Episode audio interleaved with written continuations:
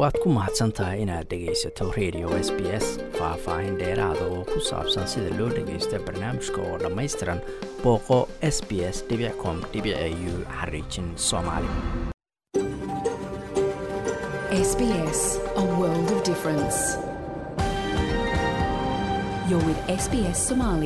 On mobile, online, and on radio. waxaad nagala socotaan s b s soomaali oo aad ka heli kartaan mobil online iyo rediyoga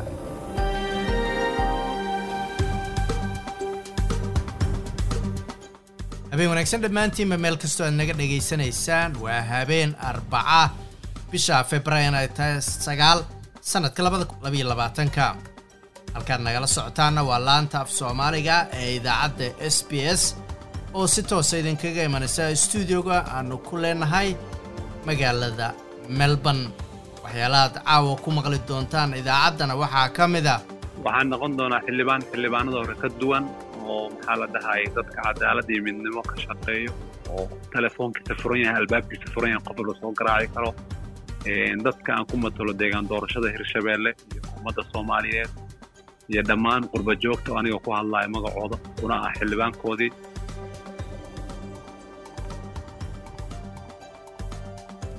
Waa xildhibaan cabdiraxmaan maxamed sheekh oo noqday xildhibaankii ugu horreeyey oo ku biira golaha shacabka ee soomaaliya kana tegey dalkan austreeliya waraysi ayaad ku maqli doontaan?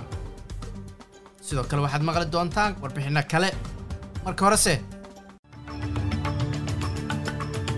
wararka caawana waxaa ka mida isbahaysiga talada haya ee dalkan australia oo dhaliilo ad adag ay u soo jeediyeen laba gabdhood oo kale ah grace tame iyo britney higgins oo ku dhaliilay dadaalada lagu soo afjarayo tacadiyada iyo rabshada ka dhanka ah haweenka iyo carruurta xisbiga leybarka oo sheegay inay taageerayaan hindisa sharciyeedka dowladda ee muranka badan dhaliyey ee takoorka diinta laakiin shuruud ku xidhaya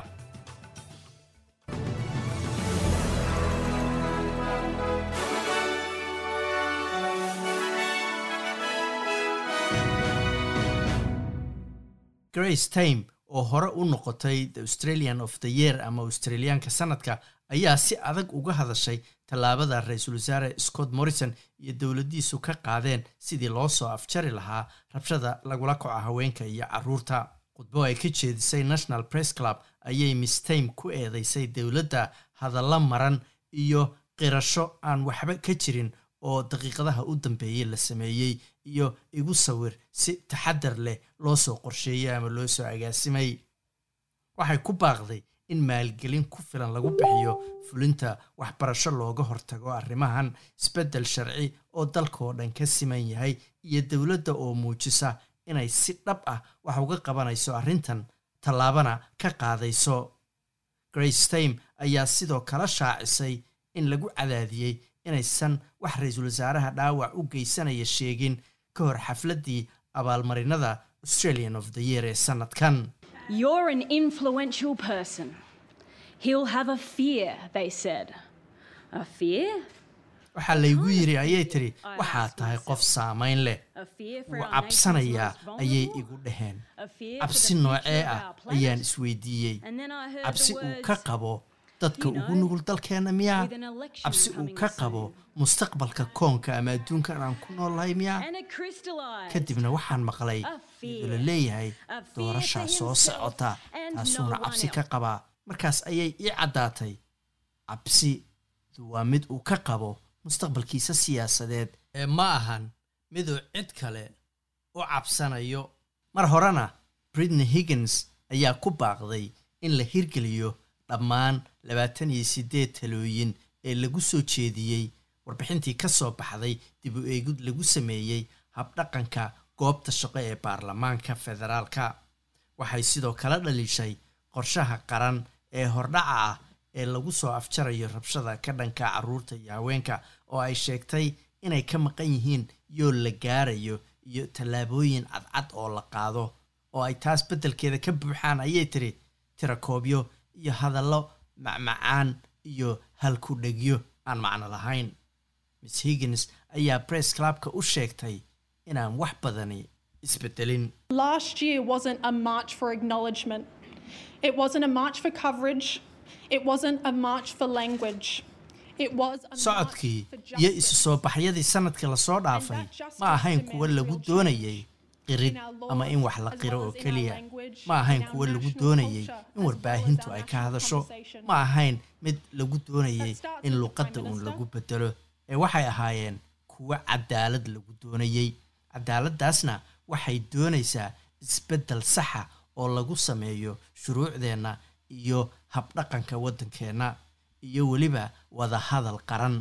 Taasina waxay ka bilaabanaysaa ayay tiri ra'iisul wasaare scott morrison intii ay socotay doodii baarlamaanka ee maantana oo loo yaqaano question time ayuu ra'iisul wasaare scott morrison difaacay.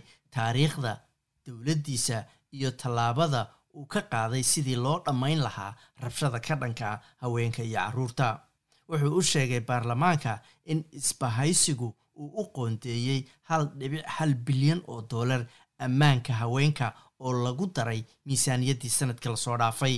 We will join with all others in this place in ensuring that we have targets as are set out collectively and waxaan ku biiraynaa dhammaan xildhibaanada kale ee goobtan jooga sidii loo hubin lahaa inaannu leenahay yool aan wada hiigsanayno oo aan isku raacnay mideeda is kale tan kale oo muhiimka ah waa inaannu maalgelin u qoondayno sidii awalba ay dowladdu u samaysay markiina la doortay iyo xataa miisaaniyaddii u dambeysay si loo xaqiijiyo in dowladda federaalku ay ka qaadato qaybteeda sidii loo joojin lahaa rabshadaha ka dhanka ah haweenka iyo carruurta waddankeenna ayuu yidhi ra'iisul wasaare scott morrison.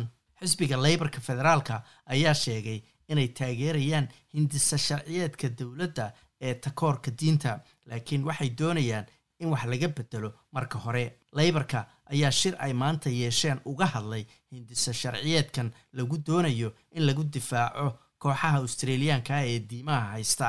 Hase yeeshee xildhibaanada dhammaan dhinacyada siyaasadda ee kala duwan ayaa walaac ka muujiyey in sharcigan haddii la ansixiyo uu oggolaanayo in iskuullada kooxaha diimuhu ay takooraan carruurta transgenderka ah oo ah ilmaha matalan ahaan wiil ahaan ku dhashay oo gabar iska dhigay ama isu beddelay leybarka ayaa soo bandhigay isbeddel lagu doonayo in qaybtaas meesha looga saaro ama wax laga beddelo iyagoo sharuud uga dhigay si ay u taageeraan hindisahan. Isbahaysiga ayaa waxaa saaran cadaadis ah inay sharcigan ansixiyaan inta baarlamaanku uu fadhiyo ka hor doorashada federaalka ee soo socota. Wasiirka arrimaha dibadda lithuania ayaa sheegay inuu soo dhoweynayo in australia ay taageertay dowladdiisa oo wajahaysa cunaqabatayn adag oo ay china ku soo rogtay. China ayaa dalkeeda ka eriyay ama ka cayriyay diblomaasiyiin lithuania u dhashay waxayna saartay dalkaasi cunaqabatayn ganacsi iyadoo uga jawaabaysay go'aanka ay lithuania ku aqoonsatay taiwan oo ay xafiis wakiileed uga furatay. Australia ayaa taageertay lithuania iyo midooda yurub oo arrintan geynaya ururka ganacsiga adduunka ee w t o loo soo gaabiyo si china loogu khasbo inay ka noqoto go'aankeeda. Wasiirka arrimaha dibadda lithuania gabrielius lansberges ayaa sheegay in dalkiisu ku biiray dalal qaasa oo ay australia ka mid tahay oo china ay si xun ula dhaqantay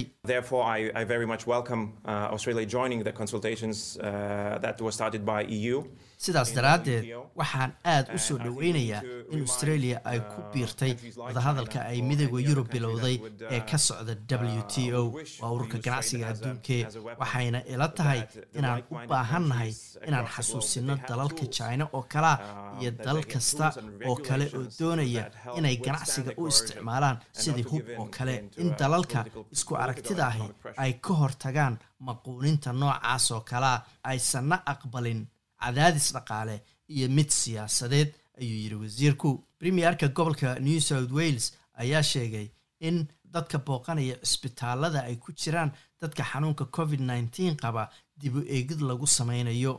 Kadib markii cabasho ballaarina ay ka timid qoysas markaasi u muruganaya dadkoodii oo cisbitaalladaas ku jira ama ku geeriyooday.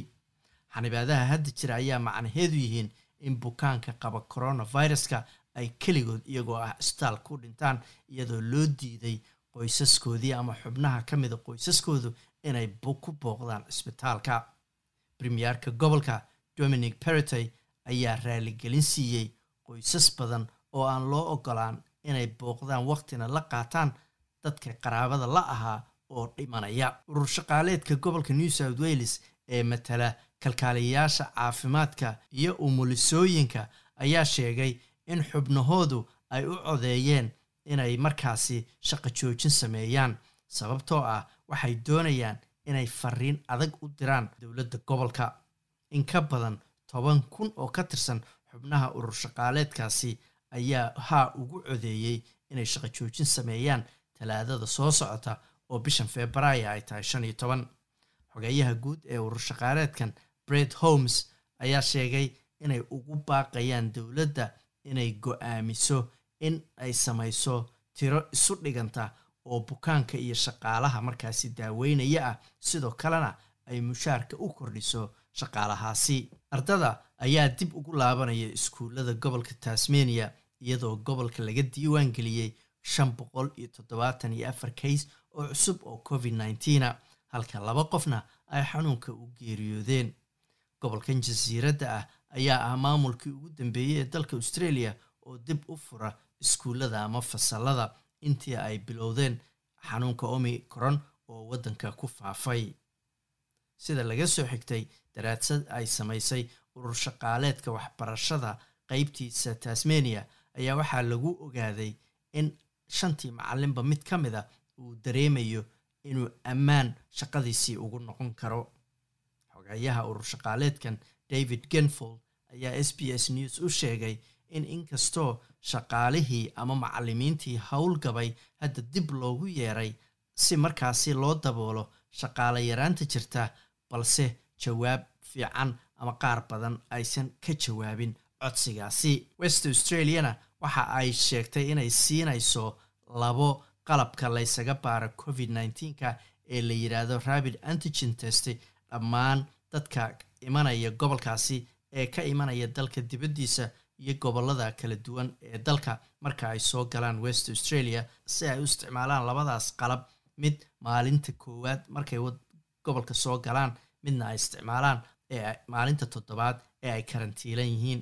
Tan ayaa imanaysa iyadoo gobolka uu diiwaan geliyey afar iyo toban kays oo cusub oo covid nneteena oo kow iyo toban ka mid ah ay u badan tahay inay xanuunka qabeen iyagoo bulshada ku dhex jira wasiiradda caafimaadka gobolkaasi amber jade sanderson ayaa sheegtay in go'aanka dadka safarada ku imanaya lagu siinayo rates ama qalabkaas laysaga baara covid nteenka ee rabid antigen test la yidhaahdo inay ka caawinayso in cadaadiska laga qaado xarumaha ama shaybaarada qaada baaritaanada covid nteenka nooca p c r-ka la yidhaahdo sidoo kalena dadkan lagu siin doono lacag la'aan. Haddana waa xubintii sboortiga oo uu noo soo diyaariyey wariyahayaga magaalada muqdisho aan ku bilaabo xubinta isboortiga xulka kubadda cagta ee senegal ayaa markii ugu horeysay ku guulaystay koobka kubadda cagta ee qaramada qaaradda afrika kaasi oo dalka cameron lagu soo gebagabeeyey maalmo ka hor. Koobka kubadda cagta qaramada qaaradda afrika ayaa sanadkan markii ugu horeysay waxaa ka qayb galay ilaa iyo afar iyo labaatan xul iyadoona xulal waaweyn oo tartanka loo saadaalinayay horaana isaga hareen ciyaartii kama dambaysta finalka ayay dhex martay labada xul ee masar iyo sidoo kale senegal. Waxaanay soo bandhigeen ciyaar si weyn markaasi la isugu daalay oo dadaal xoogan labada dhinac ay sameeyeen hase yeeshee wakhtigii loogu talagalay ku idlaatay eberi eber barbardhac intii ciyaartu ay socotay daqiiqadii afraad ayay heleen goolkulaad ay hogaanka ciyaarta ku qaban kareen xulka kubadda cagta ee senegal. Laakiin goolayaha xulka masar ayaa ka badbaadiyey kubaddii oo ka diiday xidiga lafdhabarka u ah xulka senegal ee sadio mane soddon daqiiqo oo dheeriya oo ciyaarta la raaciyey ayay labada dhan sidoo kale isku mari waayeen eberi eber waxaana markaa kadib loo baahday in goolkulaadyo lagu kala saaro iyadoona ugu dambayntii afar iyo laba goolkulaadyo ah. Xulka kubadda cagta ee dalka senegal ay ku xaqiijiyeen markoodii ugu horreysay taariikhdoodii in ay ku hantaan koobka kubadda cagta qaramada qaaradda afrika. Madaxweynaha dalka senegal ayaa farxaddaasi darteed u aqoonsaday maalintaasi inay tahay maalin fasax ah dhanka kalena koobka kubadda koleyga ee waddamada jaamacadda carabta ayaa si rasmi ah uga furmay dalkaasi imaaraadka carabta iyadoona xulalka ka qaybgelaya markan ay ka mid tahay xulka soomaaliya tartankan ayaa waxaa ka qaybgelaya ilaa iyo toddoba xul iyadoo markii hore la qorsheeyey in sagaal xul ay ka qaybgalaan hase yeeshee xulka syriya ayaa ka qaybgalka tartanka ka baaqsaday. Si la mid a xulka morocco ayaa tartankan aanay ka qaybgelin kadib markii sideed ka tirsan wafdigoodii oo ciyaartooy iyo maclimiin isugu jira laga helay caabuqa covid sagaal iyo toban xiriirka kubadda koleyga ee dalka morocco ayaa maalin ka hor intaanu tartanku bilaaban. Waxay sheegeen in ciyaartooyda xulkaasi sideed ka tirsan laga helay caabuqa covid sagaal iyo toban. Sidaa darteed aanay morocco u suurtagelaynin in ay tagto dubai si ay uga qayb gasho tartankaasi. Toddobada xul ee kale ayaana loo qeybiyey laba guruub iyadoo gruubka koowaad ay ku wada jiraan xulalka lubnaan soomaaliya iyo sidoo kale algeria. Gruubka kale ee labaad ayaa waxaa ku wada jira xulalka imaaraadka carabta libiya jordan iyo tunisiya kulankii ugu horeeyey ee furitaanka gruubka koowaad imaaraadka carabta ayaa la ciyaaray dhiggiisii yordan waxaana ciyaartaasi ay ku dhammaatay shan iyo siddeetan iyo koob iyo siddeetan oo ay guusha ku qaadeen martigeliyaasha imaaraadka carabta. Kulankii kale ee labaad ee dhacay xulka kubadda koleyga ee wiilasha soomaaliya ayaa guuldaro halkaasi ka soo qaatay kadib markii ay la ciyaareen adhigoodii algeria. Ciyaar xiise badnayd oo afartii qayb laga gacansireeyey wiilasha soomaaliya waxaana ay noqotay ciyaartaasi in boqol labayo toban iyo sidoo kale lix iyo toddobaatan ay guusha ku qaadaan xulka kubadda koleyga algeria ciyaartooyda xulka kubadda koleyga ee soomaaliya ayaana la arkayey intii ciyaartu socotay in dhanka farsamo ay aada u wanaagsanaayeen hase yeeshee dhanka raacista iyo jirka ay aada uga liiteen dhigoodii kulanka labaad ee xiga xulka kubadda koleyga ee wiilasha soomaaliya. Waxay caawa la ballansan yihiin dhigoodii lubnaan. Haddii ay adkaadaanna waxay u soo gudbi karaan wareega xiga ee koobkani. Waa markii ugu horeysay xul ka socda soomaaliya uu ka qaybgala tartankan tan iyo laba kun iyo shantii markaasoo dalka sacuudi arabiya tartankan dhanka wiilasha kubadda koleyga jaamacadda carabta lagu qabtay waxaana xusid mudan in inta badan ciyaartooyda matalaysa xulka soomaaliya laga kala keenay dalalkaasi maraykanka iyo canada. Ugu dambayntiina u k iyo ireland ayaa isaga haray marka loo eego tartanka martigelinta koobka kubadda cagta dunida laba kun iyo soddonka marka la gaaro. Dowladda u k ayaa ku dhawaaqday in ay joojiyeen oo ay isaga baxeen tartankii ay ugu jireen martigelinta koobka kubadda cagta dunida laba kun iyo soddonka kaasi oo qorshoodu ahaa in ay si wada jira u qabtaan iyaga iyo jamhuuriyadda ireland u k. Waxay hadda awoodda saari doonta ayaa la yidhi inay isu diyaariyaan martigelinta tartanka qaramada qaaradda yurub ee labaatanka oo ay awoodoodii isugu geyn doonaan sidii loo dooran lahaa in ay u k martigeliso. Sababta ugu weyn ee go'aankan ayaa la sheegay in uu yahay kadib markii u k ay sheegtay daraasad ay samaysay in ay ku ogaatay in laba dhibic siddeed milyan oo pound uu ku bixi karo martigelinta koobka kubadda cagta ee dunida taasi beddelkeedna ay u weecan doonaan martigelinta koobka kale ee qaramada qaaradda yurub laba kun xubinta sboortiga s b s muqdisho. Saadaasha hawada berrito oo khamiisa magaalada melbourne qayb ahaan waa daruur labaatan iyo saddex digrii magaalada sydneyna inta badan waa cadceed soddon iyo kow digrii ayayna gaaraysaa halka australian dollar. Maanta waxaa lagu sarrifayay toddobaatan iyo laba senti oo lacagta maraykanka ah.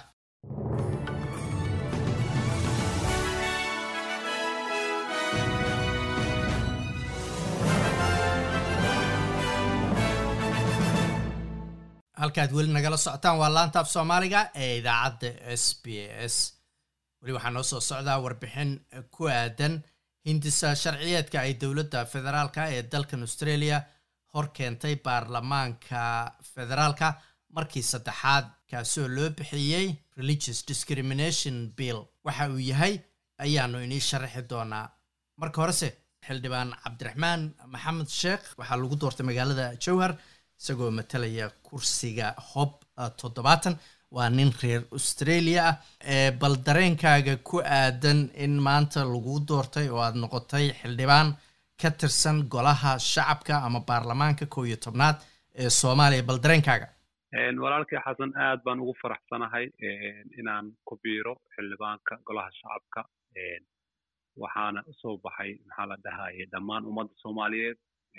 Waxaanahay xildhibaanka asia pacific oo dhan u jooga halkan ummadda soomaaliyeed. Deegaan walba matalo waana ku faraxsanahay inaan noqdo aad baana kaaga mahad celinaya inay soo wacday oo aad macnaha maanta waraysi iga qaadaysa waa garta marka xildhibaane doorashadaadu dabcan waxay ku soo aaday xilli xoogaa dalku doorashooyinkan xildhibaanada iyo baarlamaanka dhaliilo badan ay ay ka jireen. Sidee u dareensan tahay marka nidaamka xildhibaanada adigoo kalea lagu soo doortay sanadkan? Run ahaantii waddanka wuxuu isaga jiraa xaalad marxalad adag oo isbeddel badan dhacay. Doorashadii waktigeedii kumayna dhicin xildhibaano badan baa haray. Waktiga loo qabteen aad buu u yar yahay iyo xildhibaanada dhiman. Doorashadan waa doorasho dadban.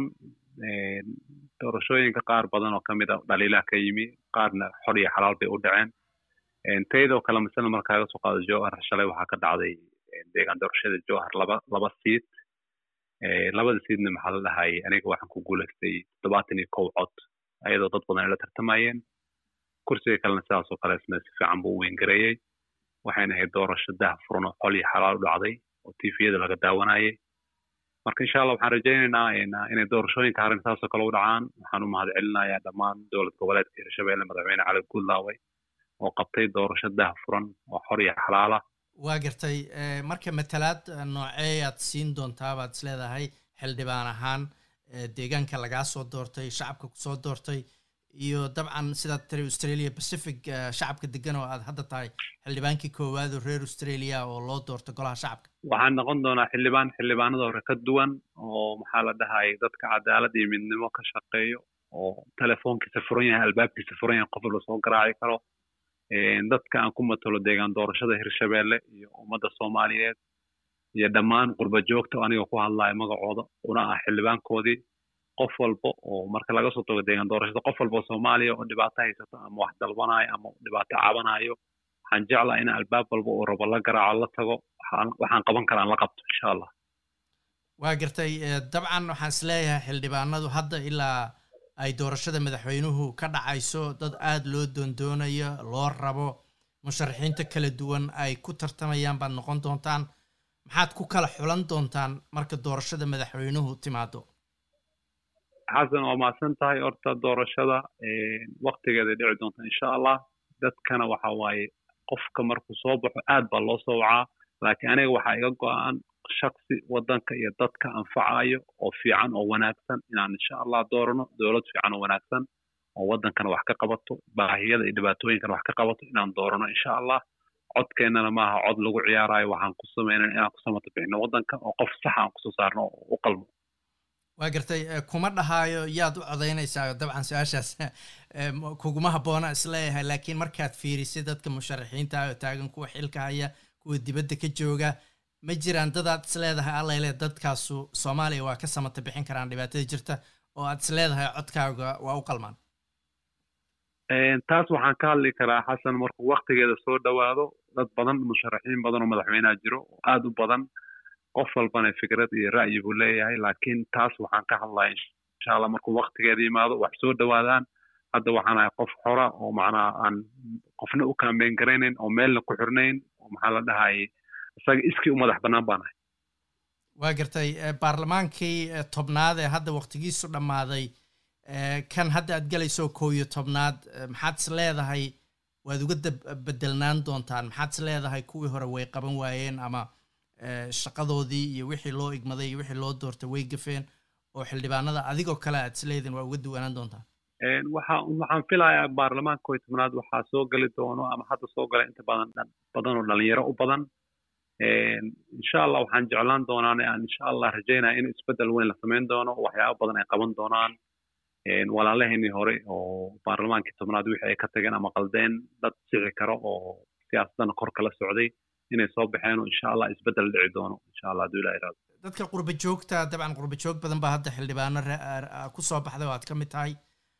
Doorka qurba joogta ee dalkii maxaad is leedahay? Horaad uga shaqaynaysa waddanka adoo aan xildhibaan noqon. Qurba joogtu maxay ku soo kordhin karaan dadka? Maxaad kula talinaya dad ku dhegaysanaya caawa oo reer australia? Waa mahadsan tahay su'aashaas muhiim waayo horta qurba joogta waddankan waxyaaba badan baa laga aaminsan yahay dad badan baa ila kabtamay marka waxay dhaheen qurba joogta waxaa laga aaminsan yahay dadkii xumaa inay soo horumareen fikradda laga aaminsan yahay magaalada muqdisho ama soomaaliya oo dhanbo in dad badan oo macnaha aan fiicnayn in qurba joogta ka yimaadeen oo xelaal qabteen waddankii aad dadku u dhibaateeyeen. Laakiin waxaan jecelnaha insha allah arrimahaas inaan wacyigelin ka samayno dadkii si fiican loola dhaqmo wejiga hore la bedelo ummadda la badbaadiyo insha allah. Marka wacyigelin badan waa samayn doonaa insha allah dadka soo baxayo oo qurba joogtaan insha allah waxaan jeclaha inaan kulligood la kulmo oo isku meel wax loo wado insha allah waddankan la badbaadiyo. Maxaad is leedahay hadda doorashada waqtigeeda ma ku dhammaan doontaa? Baad is leedahay goormaad is leedahay tan madaxweynuhu waa dhici doontaa? Horta doorashada hadda waa la dardargeliyey oo wakti baa loo qabtay mandate bay leedahay. Insha allah waxaan filay inaad kuraas saartay in wakti lagu soo doorto kadibna maxaa la dhahay la guda galo howlihii kaloo dhinaa insha allah waxaan jeclahay inay waktigeeda qabsoomi doonto insha allah kaasina wuxuu ahaa xildhibaan cabdiraxmaan maxamed sheekh oo dhowaan laga soo doortay magaalada jowhar gaar ahaan kursiga hob toddobaatan. Haddana waa warbixin ku aadan baarlamaanka australia oo dib u furmay. Kala fadhiga baarlamaanka australia ayaa dib u furmay shalay oo bisha februaayo ahayd sideed laakiin kala fadhigan ayaa noqon doonin baa la yidhi midkii nidaamka sharci dejinta ee caadiga ahaa. Isbahaysiga talada haya ayaa dagaalo uga furan yihiin jihooyin kala duwan iyadoo ay jiraan xiisado badan oo markaasi karkaraya iyadoo baarlamaanku dib u furmayo laguna jiro sanad doorasho. Ayuu ra'iisul wasaare scott morrison ku dhawaaqay in xadka australia dib loo furayo. It's almost two years since we took the decision uh, ku dhowaad laba sano ayaa laga joogaa markii aanu qaadanay go'aanka ahaa in xadka australia la xiro. Golaha qaranka amnigu wuxuu maanta go'aan ku gaaray in australia dib loo furo xadkeeda oo ay soo geli karaan dhammaan dadka haysta noocyada kala duwan ee fiisooyinka. Marka la gaaro bishan februaayo labaatan iyo saddexdeeda ku dhawaaqidda go'aankan ayaa fursad u ahayd dowladda oo wajahayso eeda ah inay ku guuldaraysatay maareynta faafka covid nneteen-ka iyo inayba inay ka hadasho sida ugu fiican ee australia ay dib ugu noqon karto xorriyaddii dadku haysteen ka hor dilaaca covid nneteen-ka laakiin iyadoo isbahaysiga talada haya ay haysato xiisad gudahooda ah hindiso sharciyeedyo muhiima ayaa la taageeradii ay u baahnaayeen. Inta badan xiisadda ayaa la xiriira fariimo telefoon oo si hoose la isugu dusiyey oo ra'iisul wasaare scott morrison ay dad kala duwani ku tilmaameen inuu yahay nin xun ama kelmado cay markaasi u eg. Mid ka mid a fariimahaas ayaa scott morrison lagu sheegay inuu yahay complete psycho oo macnaheedu yahay qof waalan oo maskaxda ka jiran. Weliba kelmaddaas waxaa inta badan loo isticmaalaa qofka waalidiisu gaarsiisan tahay inuu bulshada khatar ku yahay ama dadka uu waxyeelayn karo. Waxaa socday xanta iyo hadalhaynta ku saabsan cidda fariintan qortay. Haddana wasiirkii hore ee arrimaha dibadda ee dalkan australia bob carr ayaa isagu ku dooday oo si lama filaana u sheegay in fariintan uu qoray wasiirka difaaca ee hadda jooga peter dutton. Laakiin mr dutton ayaa dafiray arrintaasi.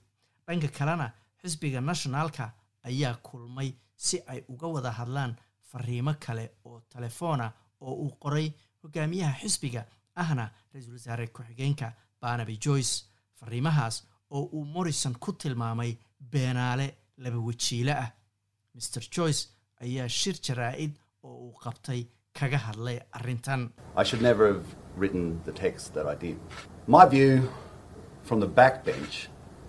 ma ahayn horta inaan weligay qoro fariimaha noocaan oo kale ah aragtidayda ku aadan ra'iisul wasaaruhuna waxay ku salaysnayd ayuu yidhi waxa aan u haystay anigu aan ka aaminsanaa iyo hadallada la ysla dhex maro ee ma ahayn mid la xiriirta shaqada labadayadana dhex martay ayuu yidhi mr joyce.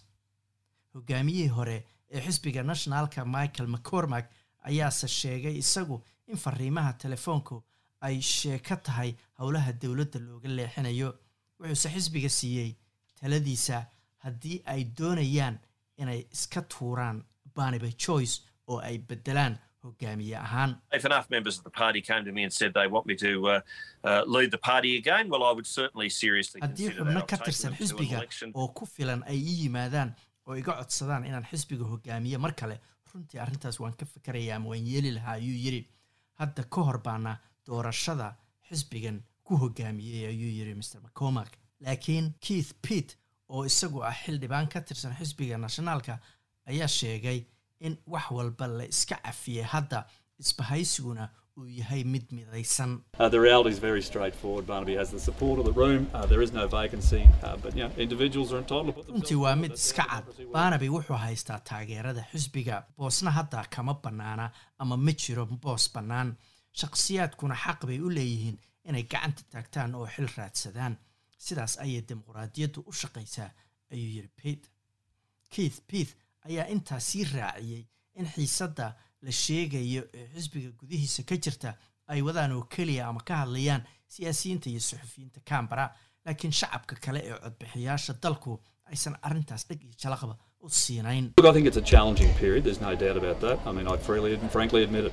But when you're out talking to individuals yiri who are out in the waqti real adag not ku jirnaa shaki taas kuma jiro taasi cad ayaan u qirayaa laakiin marka aad la hadlayso shacabka caadiga ah taas niyadda kuma hayaan waxay ka fakarayaan siday shaqo u heli lahaayeen toddobaadyada soo socda in covid ku dhacaya in kale inay helayaan fursado ay ku yareeyaan qiimaha maciishadda halkaad weli nagala socotaan waa laanta af soomaaliga ee idaacadda s b s. Waxaanu soo gaarnay eh, bartamahe idaacaddeenni caawa wararkana waxaa ugu waaweynaa britney higgins iyo grace tame oo dhaliilo u soo jeediyey dowladda ra'iisul wasaare scott morrison iyo sida ay wax uga qabtaan rabshadaha ka dhanka haweenka iyo carruurta. Labadan gabdhood ayaa maanta waxa ay khudbo dheer ka jeediyeen bress clubka ku yaalla magaalada cambera iyagoo dowladda scott morrison u soo jeediyey talooyin kala duwan iyo waxa ay jeclaan lahaayeen in la qabto. Balse ra'iisul wasaare scott morrison ayaa difaacay waxyaalaha dowladdiisu ka qabatay arrimahaasi isagoo sheegay in lacag badan oo gaaraysa hal dhibic hal bilyan oo dollar ay u qoondaysay laybarkuna waxa ay sheegeen inay taageerayaan hindisa sharciyeedka dowladda federaalka ee la yidhaahdo takoorka diinta balse shuruud ay ku xirayaan. Wasiirka arrimaha dibadda lithuaniana waxa uu soo dhoweeyey in australia ay dowladdiisa ku taageerayso dhibaatooyinka iyo caqabadaha adag ee china ay ku soo rogtay lithuania. China ayaa dalkeeda ka cayrisay diblomaasiyiinta lithuania waxayna saartay dalkaasi cunaqabatayn ganacsi iyadoo uga jawaabaysa go'aankii ay lithuania ku aqoonsatay taiwan. New south walesna waxa ay wax ka bedelaysaa shuruucda booqashada cisbitaalada lagu booqdo dadka qaba covid nneteen-ka kadib markii dhaliilo ballaaran ay ka yimaadeen qoysas loo ogolaan weeyey dadkoodii ay jeclaayeen oo ku dhimanaya cisbitaalka. Premierka gobolka ayaa raaligelin siiyey qaar ka mid a qoysaskaasi urur shaqaaleedka matale kalkaaliyayaasha caafimaadka ee gobolka new south walesna waxay ku dhawaaqeen inay shaqo joojin samayn doonaan taladada soo socota ee bishu ay tahay shan iyo toban. Urur ayaa dowladda gobolka ugu baaqaya inay isu dheelitiraan tirada shaqaalaha caafimaadka iyo dadka bukaanka ee markaasi ay gacanta ku hayaan. Sidoo kalena ay mushaarka u kordhiyaan tasmaniana iskuullada ayaa dib loogu noqonaya west australiana waxay siin doontaa dadka gobolkeeda soo gala qalabka rapid antigen test test oo la yidhaahdo oo markaasi maalinta koowaad iyo maalinta toddobaad ay dadku isku baarayaan. Halkaad weli nagala socotaan waa laanta af soomaaliga ee idaacadda s b s. Haddana waa warbixin ku saabsan sharciga religious discrimination bill oo baarlamaanka horyaala kala fadhiga baarlamaanka dalkan australia ayaa mar kale dib u furmay markii ugu horreysay sanadkan iyadoo la filayo in dalka ay ka dhacdo doorasho bisha may. Waxaa dooda ugu horreysa ay noqotay hindisa sharciyeedka dowladda ee takoorka diinta ama religious discrimination oo walaac badan laga muujiyey maadaama ay saameyn karta ayaa la yidhi qaar ka mida dadka nugul ee bulshada kala fadhiga ugu horreeya ee baarlamaanka ayaa ku bilowday ducadiimeed ka dhacday kiniisadda st nicholas greek orthodox oo ku taalla cambera senatarad amanda stoker ayaa si rasmiya ducadan ugu soo dhoweysay kala fadhiga baarlamaanka. So let us focus our eyes upon him and strive for the aanu indhaheenna ku hayno kuna dadaalno runta cafiska iyo nimcada ayay tidhi. Una ducayno dalkeennan weyn laakiin dowladda iyo ra'iisul wasaare morrison ayay dhici kartaa in ducadu aysan ahayn mid ku filan.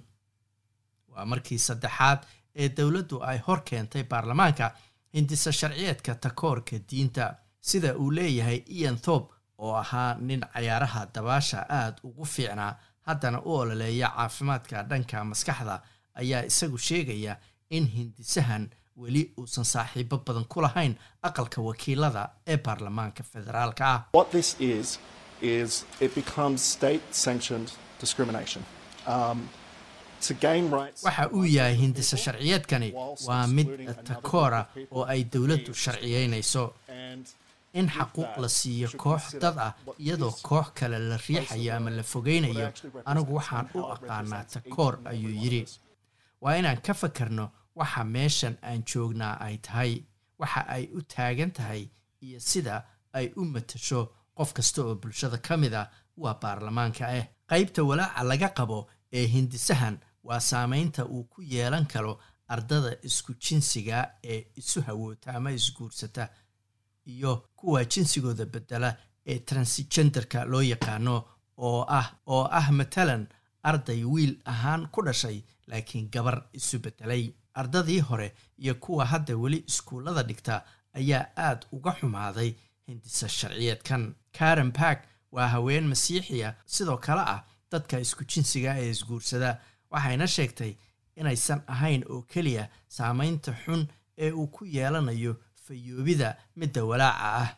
Waxay sheegtay inay sidoo kale arrintu tahay sida ardada iyo macallimiintanu ay ula xaalayaan in hindisahan uu iska horkeenayo diintooda iyo jinsigooda ama nooca galmoodkoodu yahay spark ayaa doonaysa in cid walba la difaaco You know, there's talk this morning that, okay, so maybe we'll have protections so that gay students can't be expelled.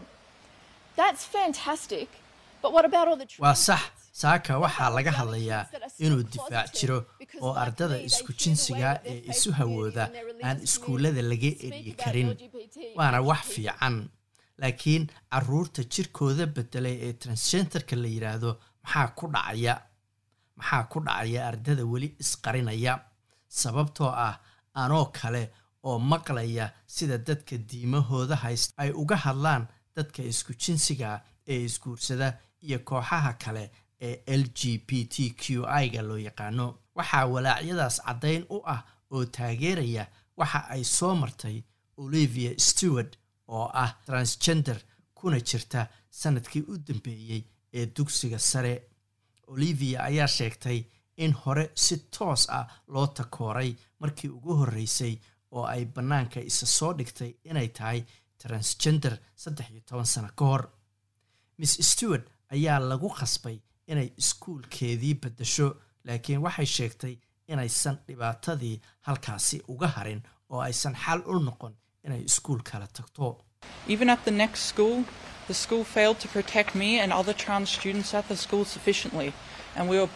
Xataa markaan iskuul kala tegay wuxuu iskuulkaasi ku guuldaraystay inuu difaaco aniga iyo ardada kale ee taranska ah ee iskuulka dhiganayay. Ardada kale ayaa na handadayey oo na xumeeyey maadaama iskuulka uusan ka jirin ayay tiri dhaqan lagu aqbalo dadka ka duwan. Cagajuglayn iyo handadaad ayaa ka jirtay bay tiri. Dadka ka soo horjeeda hindisa sharciyeedkan ayaa sidoo kale sheegay in dadku ay xataa beegsan karaan dadka naafada ah oo dadka qaar ay u arkaan in naafadu caddayn u tahay in qofku uu ilaahay dembi ka galay. Sam drumond waa qareen u ololeeya dadka naafada ah. Wuxuuna sheegay in dad masiixiyiin ah ay marar badan isaga ku dhaheen waanu kuu ducaynaynaa xataa isagoo aan rabin in cidna isaga u ducayso.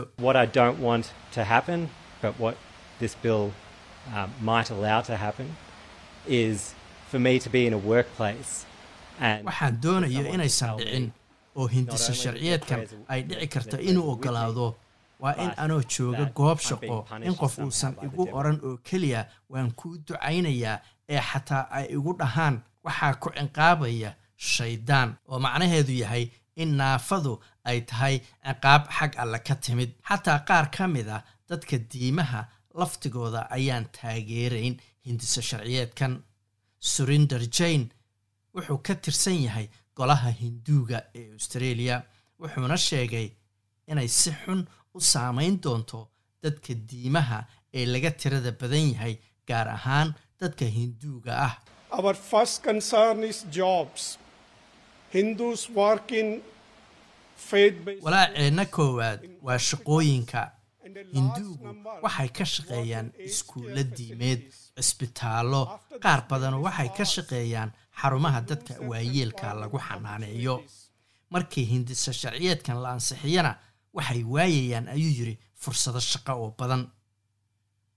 Madaxa golaha adeegyada bulshada australia cassandra goldi waxay iyadu qabtaa in hinda sharciyeedkan uu sii kala qaybinayo bulsho awalba kala qaybsanayd.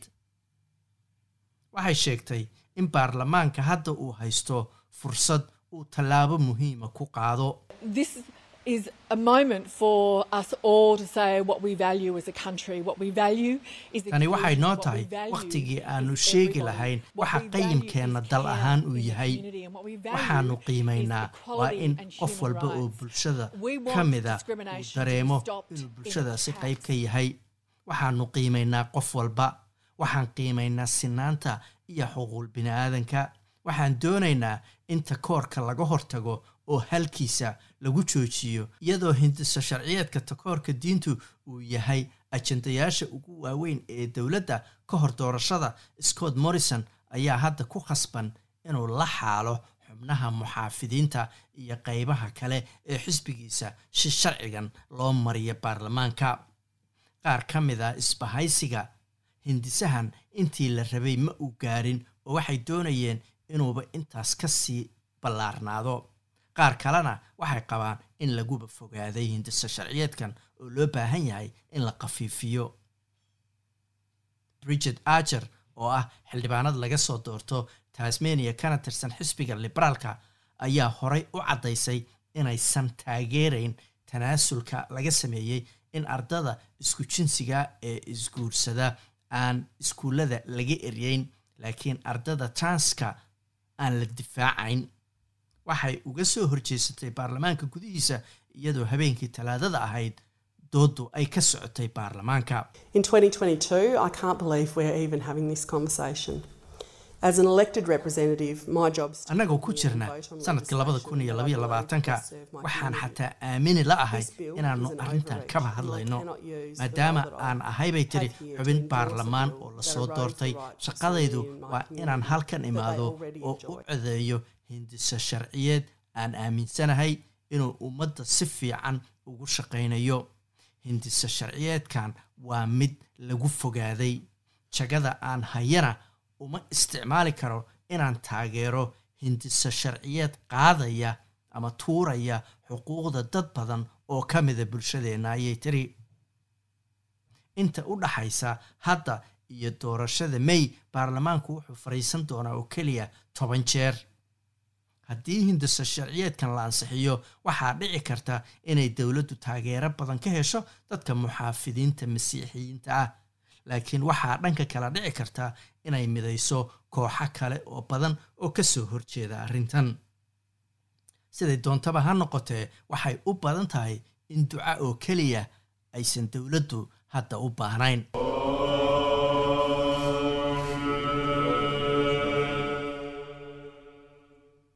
haddana waa warbixintii uu noo soo diray waryahayaga magaalada muqdisho iyada oo uu jiray khilaaf muddo soo jiitamayay iyo diidmo xoogan oo ku aadan in maamulka hirshabeelle uu ka howlgalo gobolka hiiraan gaar ahaan madaxweynaha maamulkaasi oo muddo laga hortaagnaa in uu booqdo magaalada beledweyne ee xarunta gobolkaasi.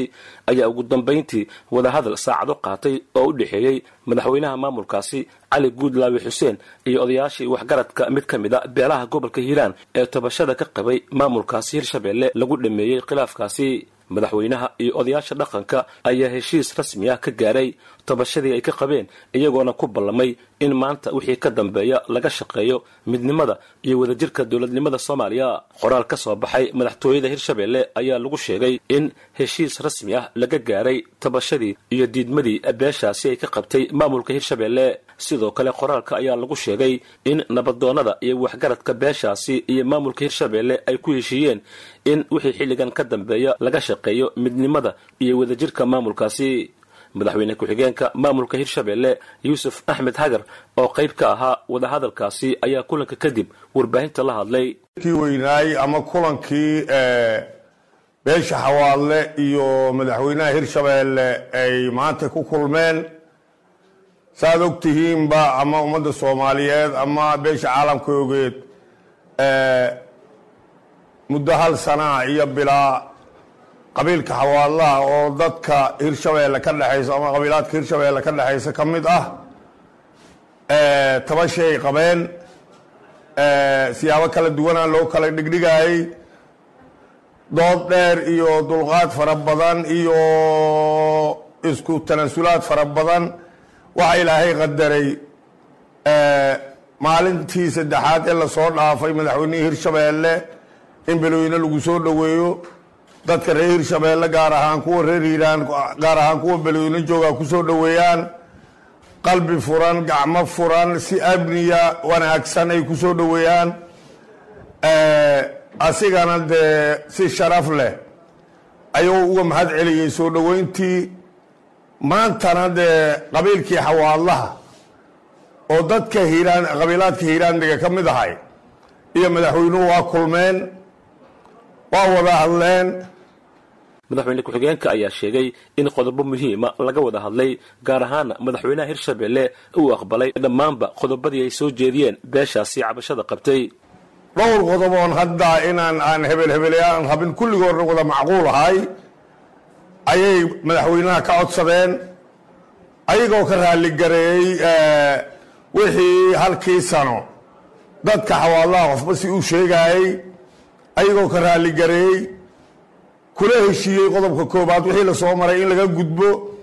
Haddana la wada shaqeeyo dowladnimada hirshabeelle oo ka dhexaysa hirshabeellena qof walba kaalinteeda ka buuxiso qabiil ahaan waxay u codsadeen wax kasta ay qabiil ahaan u codsadeen ay madaxweynaha hordhigeenna madaxweynaha khayr allaha siiye waa aqbalay waa ballanqaadiyey asigoo qodob kasta munaasabadiisa ku soo aadinaha iyo sida maaragtay oo ku sharci garooba.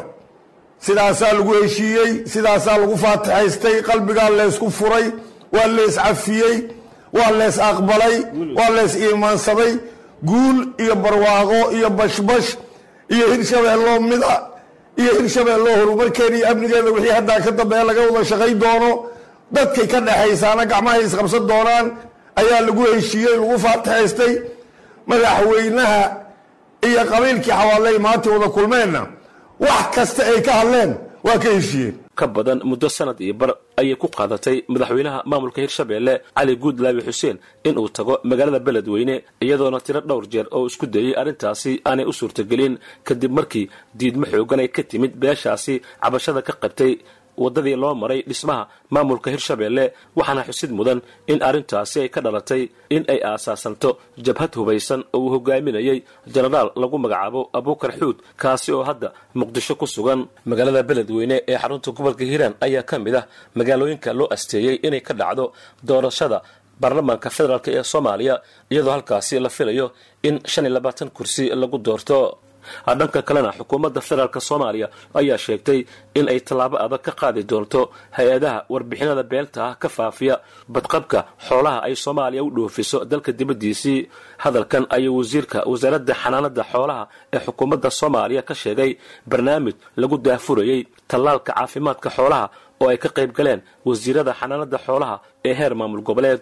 Iyo xirfadlayaasha ka shaqeeya arrimaha caafimaadka xoolaha wasiirka xanaanada xoolaha dhirta iyo daaqa xukuumadda soomaaliya maxamed aadan macalin ayaa sheegay in mashruucani oo laba weji ah wejigiisa koobaad ay ka faa'iidaysan doonaan in ka badan toban milyan.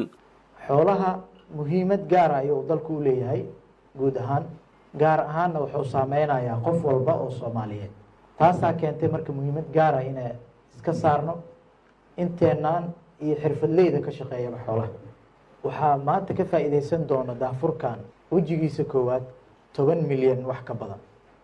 ten point seven milyan oo xoolo ah inkastoo aysan wada dhammayn oo aada ogtihiin xoolaha soomaaliyeed qiyaas ahaan konton iyo lix milyan ayaa lagu qiyaasaa.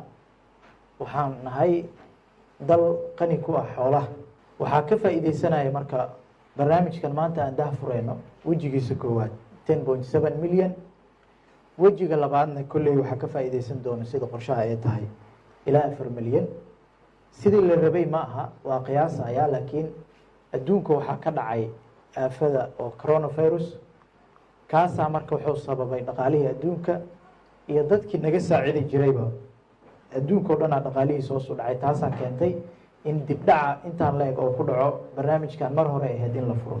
Wasiirka ayaa dhanka kale tilmaamay in sannadihii la soo dhaafay dib u dhac uu ku yimid suuqgeynta xoolaha dalka ka dhoofa isagoona hoosta ka xariiqay inay jiraan hay'ado dalka ka howlgala oo warbixino beena ka faafiya xoolaha soomaaliya oo ah isha ugu weyn ee dhaqaalaha dalka. Ayna la xisaabtami doonaan hay'adahaasi. Adduunku waa garan kartaan competition a jiro. Waxaana laga faafinayaa cuduro oo ahayd aanan qabin xoolaheena waxaa laga laga faa'iideysanayaa tabarta iyo iyo dowlad burburkii ama qaran burburkii nagu dhacay. Waa ku mahadsan yihiin marka xirfadleydana arrintaas aaday ugu baraarugsan yihiin. Waxaa jiro hay'ado ka shaqeeya xoolaha. Hay'adahaas waxay sameeyaan warbixin qaldan ay ka bixiyaan dalka. Mar dhoweed lafteedu waa maqlayay in meelo aanan ka dilaacin cuduro ay faafinayeen ay dhahayeen cuduro noocaasa ka dilaacay markii ay ogaadeen in xoolaha soomaaliya la furi doono ama suuqii ugu weynaa ee xoolaha loo furi doono ayaa waxay bixiyeen warbixino aan sal yaraad lahayn oo aan heer gobol soo marin wasaaradda xanaanada xoolaha aysan warkahayn wasaaradda federaalka aysan warkahayn organizationskaas kolley waa iska waa iska arki doonaa ilaa iyo hadda waa ku daba jirnaa. Haddii aan ku helnane warbixintaas qaldan inay bixiyeen hay'ado dalka gudihiisa ka shaqeeyo kolley dowladdu dib u eegisay ku fiirin doontaa tillaabada markaas mudanna way ka qaadi doontaa waad ku mahadsantahay inaad dhegaysato raadiyaha s b s toos u dhegaysa barnaamijka habeenada arbacada iyo jimcada tobanka fiidnimo. Ama kaga soo cesho website-ka iyaga iyo s b s radio app booqo s b s com au xariijin soomaali